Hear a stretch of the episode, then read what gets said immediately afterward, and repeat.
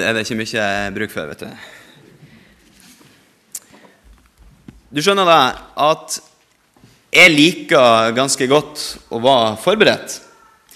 Eh, men så er jeg også av den typen som ikke alltid er like flink til å disponere tida mi.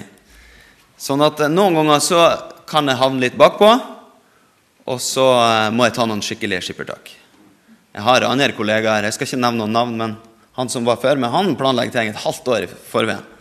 Og noen ganger så er jeg litt misunnelig på sånne. Men det går nå som regel bra. Det å stille helt uforberedt, det har jeg ikke mage til. Eh, noen ganger så drømmer jeg om det om natta. Jeg har mareritt om at eh, det er ti minutter til gudstjeneste. Jeg har ikke fått forberedt noe preken. Jeg har ikke tingene mine, ikke bilnøklene, jeg har ikke engang klær på meg. Og så er det en halvtime å kjøre. Eh, har heldigvis ikke skjedd i virkeligheten, unntatt én gang. da. Men da, da hadde jeg forberedt meg, sånn at det, det gikk bra likevel. Jeg syns det, det er fælt. For det er noen ganger veldig viktig å være forberedt. Og Jesus han sier også noe om det. Han forteller bl.a. en lignelse om at vi som tror på Han, vi er lik tjenere som venter sin herre hjem ifra bryllupsfest. Det kan bli sendt på natta, men det er viktig at vi er klar for å ta imot Han når Han kommer. Og Det skal skje i en time som ingen kjenner. Og Derfor så må vi være som speidere. Alltid beredt. Ikke sant? Og Så fører denne lignelsen til en dialog hvor Peter stiller noen oppfølgingsspørsmål. Og nå skal vi få høre hva Jesus har å svare han. La oss be. Himmelske Far, vi takker deg for ditt ord til oss i dag. Vi ber om at vi ikke må gjøre hjertene våre harde, men ta imot det du har å si oss, så det kan slå rot og bære frukt. For Jesu Kristi skyld. Amen.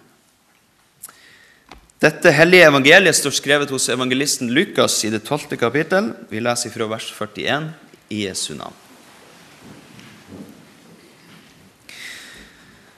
Da spurte Peter, Herre, er det oss du sikter til med denne lignelsen, eller gjelder den for alle?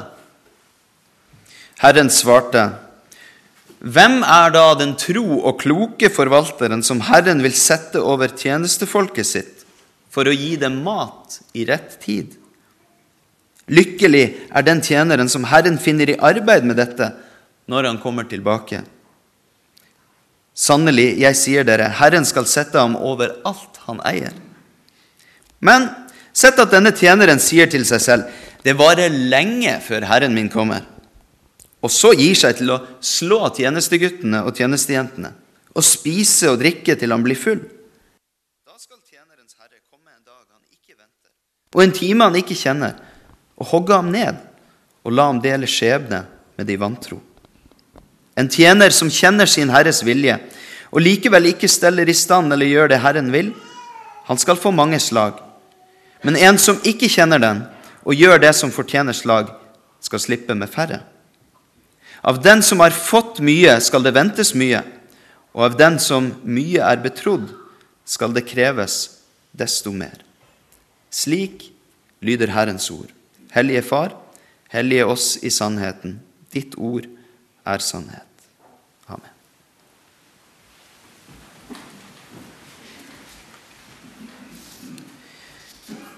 Vi merker oss at uh, det her bildet av de Jesus-troende som tjenere, det føres videre inn i denne dialogen mellom Jesus og Peter.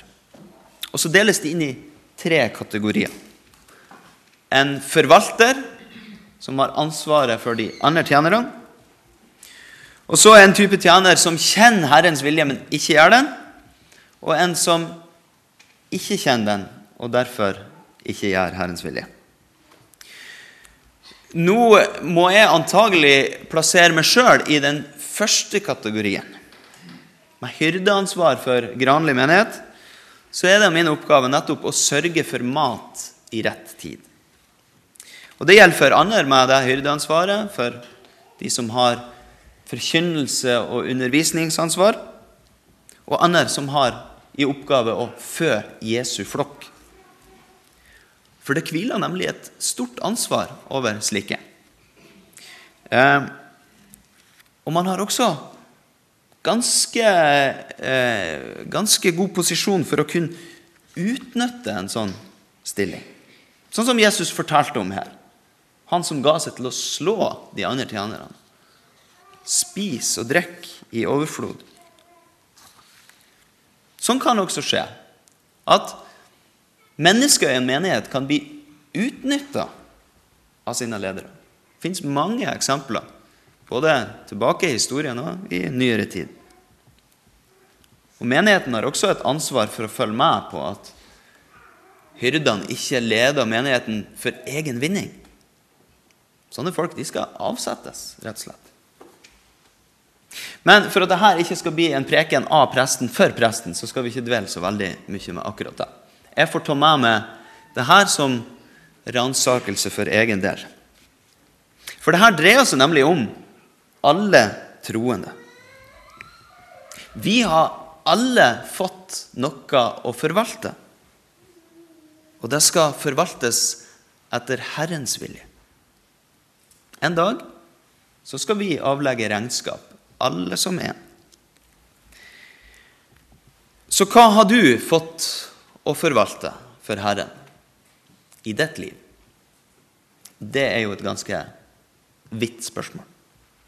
Og det kan du få ta med deg hjem og tygge på i dag.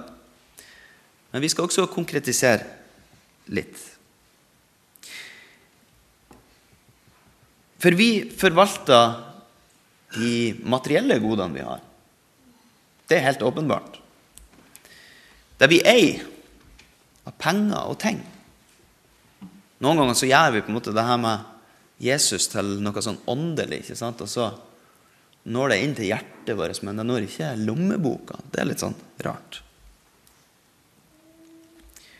Og vi har ei kjempeutfordring her i Vesten. Prøv å lese litt i Bibelen hva som står om fattigdom og rike. Så vil du se at det dukker opp ganske ofte. Og så er det en sånn veldig merkelig sammenheng som gjør seg gjeldende. Veldig ofte i hvert fall. Jo mer vi har, jo mindre er vi villige til å dele. Men hva med å se på det på nettopp denne måten? Det er ingenting av det du har, som du ikke har fått. For Grunnen til at jeg og du har det så bra, det er jo at vi er født i Norge. I et land som flyter melk og honning og olje. Og det kommer av at du har fått evner og gaver som Gud har skapt deg med. Så hva gjør du da med alt det som du har, når du en dag skal svare for hva du har brukt det til? Og så har du fått et kall å forvalte. Det høres kanskje litt rart ut. Kall det er jo et sånn gammelmodig ord som vi forbinder med prester og misjonærer. sånne. Resten av verden de kaller sånne ting for jobb. Eh, og så har vi fått en litt lei tendens til å på en måte dele jobb inn i det som tilhører det verdslige, for de fleste i hvert fall. Og så det kristelige og åndelige, det, det hører til på fritida. Men jeg syns at vi skal børste støv av kallsetikken, for den er nemlig knakende god. Den sier at du har din gudstjeneste der du har ditt arbeid. For der tjener du Gud og din neste. Og det gjelder om du er lærer eller sykepleier, hjemmeværende far eller mor, elev, søppeltømmer, snekker eller pensjonist. Du skal skjøtte din tjeneste og de oppgavene du står i, ærlig og oppriktig. Ikke jukse, kutte hjørner eller underslå. Og du skal vise omsorg og kjærlighet til de menneskene du møter på din vei. Til alt godt for de neste og til ære for Gud. Og så skal vi også svare for hvordan vi forvalter det kallet som vi fikk, enten vi er lek eller lærd. Men kanskje det viktigste av alt, det dreier seg om forvaltninga av Guds ord. Vi er jo i den velsigna situasjonen at det å eie en bibel er verken for dyrt til at vi kan kjøpe en, eller forbudt av myndighetene, sånn som noen har det. Men likevel så er vi i den sørgelige situasjonen at Skriften altfor ofte blir stående og støve ned i hylla. For vi har ofte så mye annet viktig å gjøre at vi ikke har tid til å fordype oss i Skriften. Har du tenkt den tanken noen gang? Det har sannelig jeg gjort. Og det er en veldig farlig løgn. For det her er jo selve matpakken for troen. Gir oss næring, fører oss inn i fellesskapet med Gud. Og så har vi det for travelt. Jeg har det sånn noen ganger, kanskje spesielt på mandager, prestens fridag, for da skal jeg få unnagjort så mye, vet du, at jeg glemmer å spise. Jeg hopper over lunsjen. Det høres lurt ut. sant? Sparer jeg inn 20, kanskje 30 minutter, får gjort enda mer. Men det er ikke så lurt. Fordi det går ganske trått etter hvert.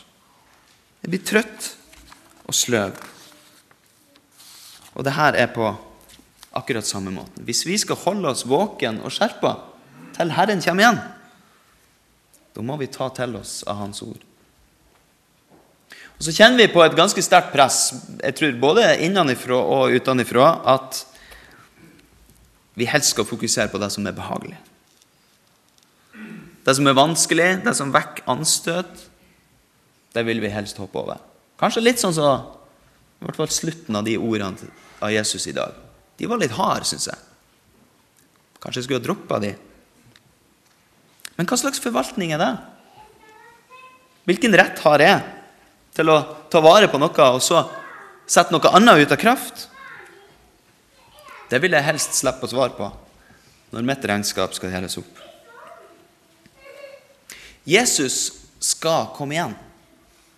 Dagen og timen, den kjenner ingen. Det vet vi. Men la oss prøve et lite tankeeksperiment. Sett nå at vi visste det.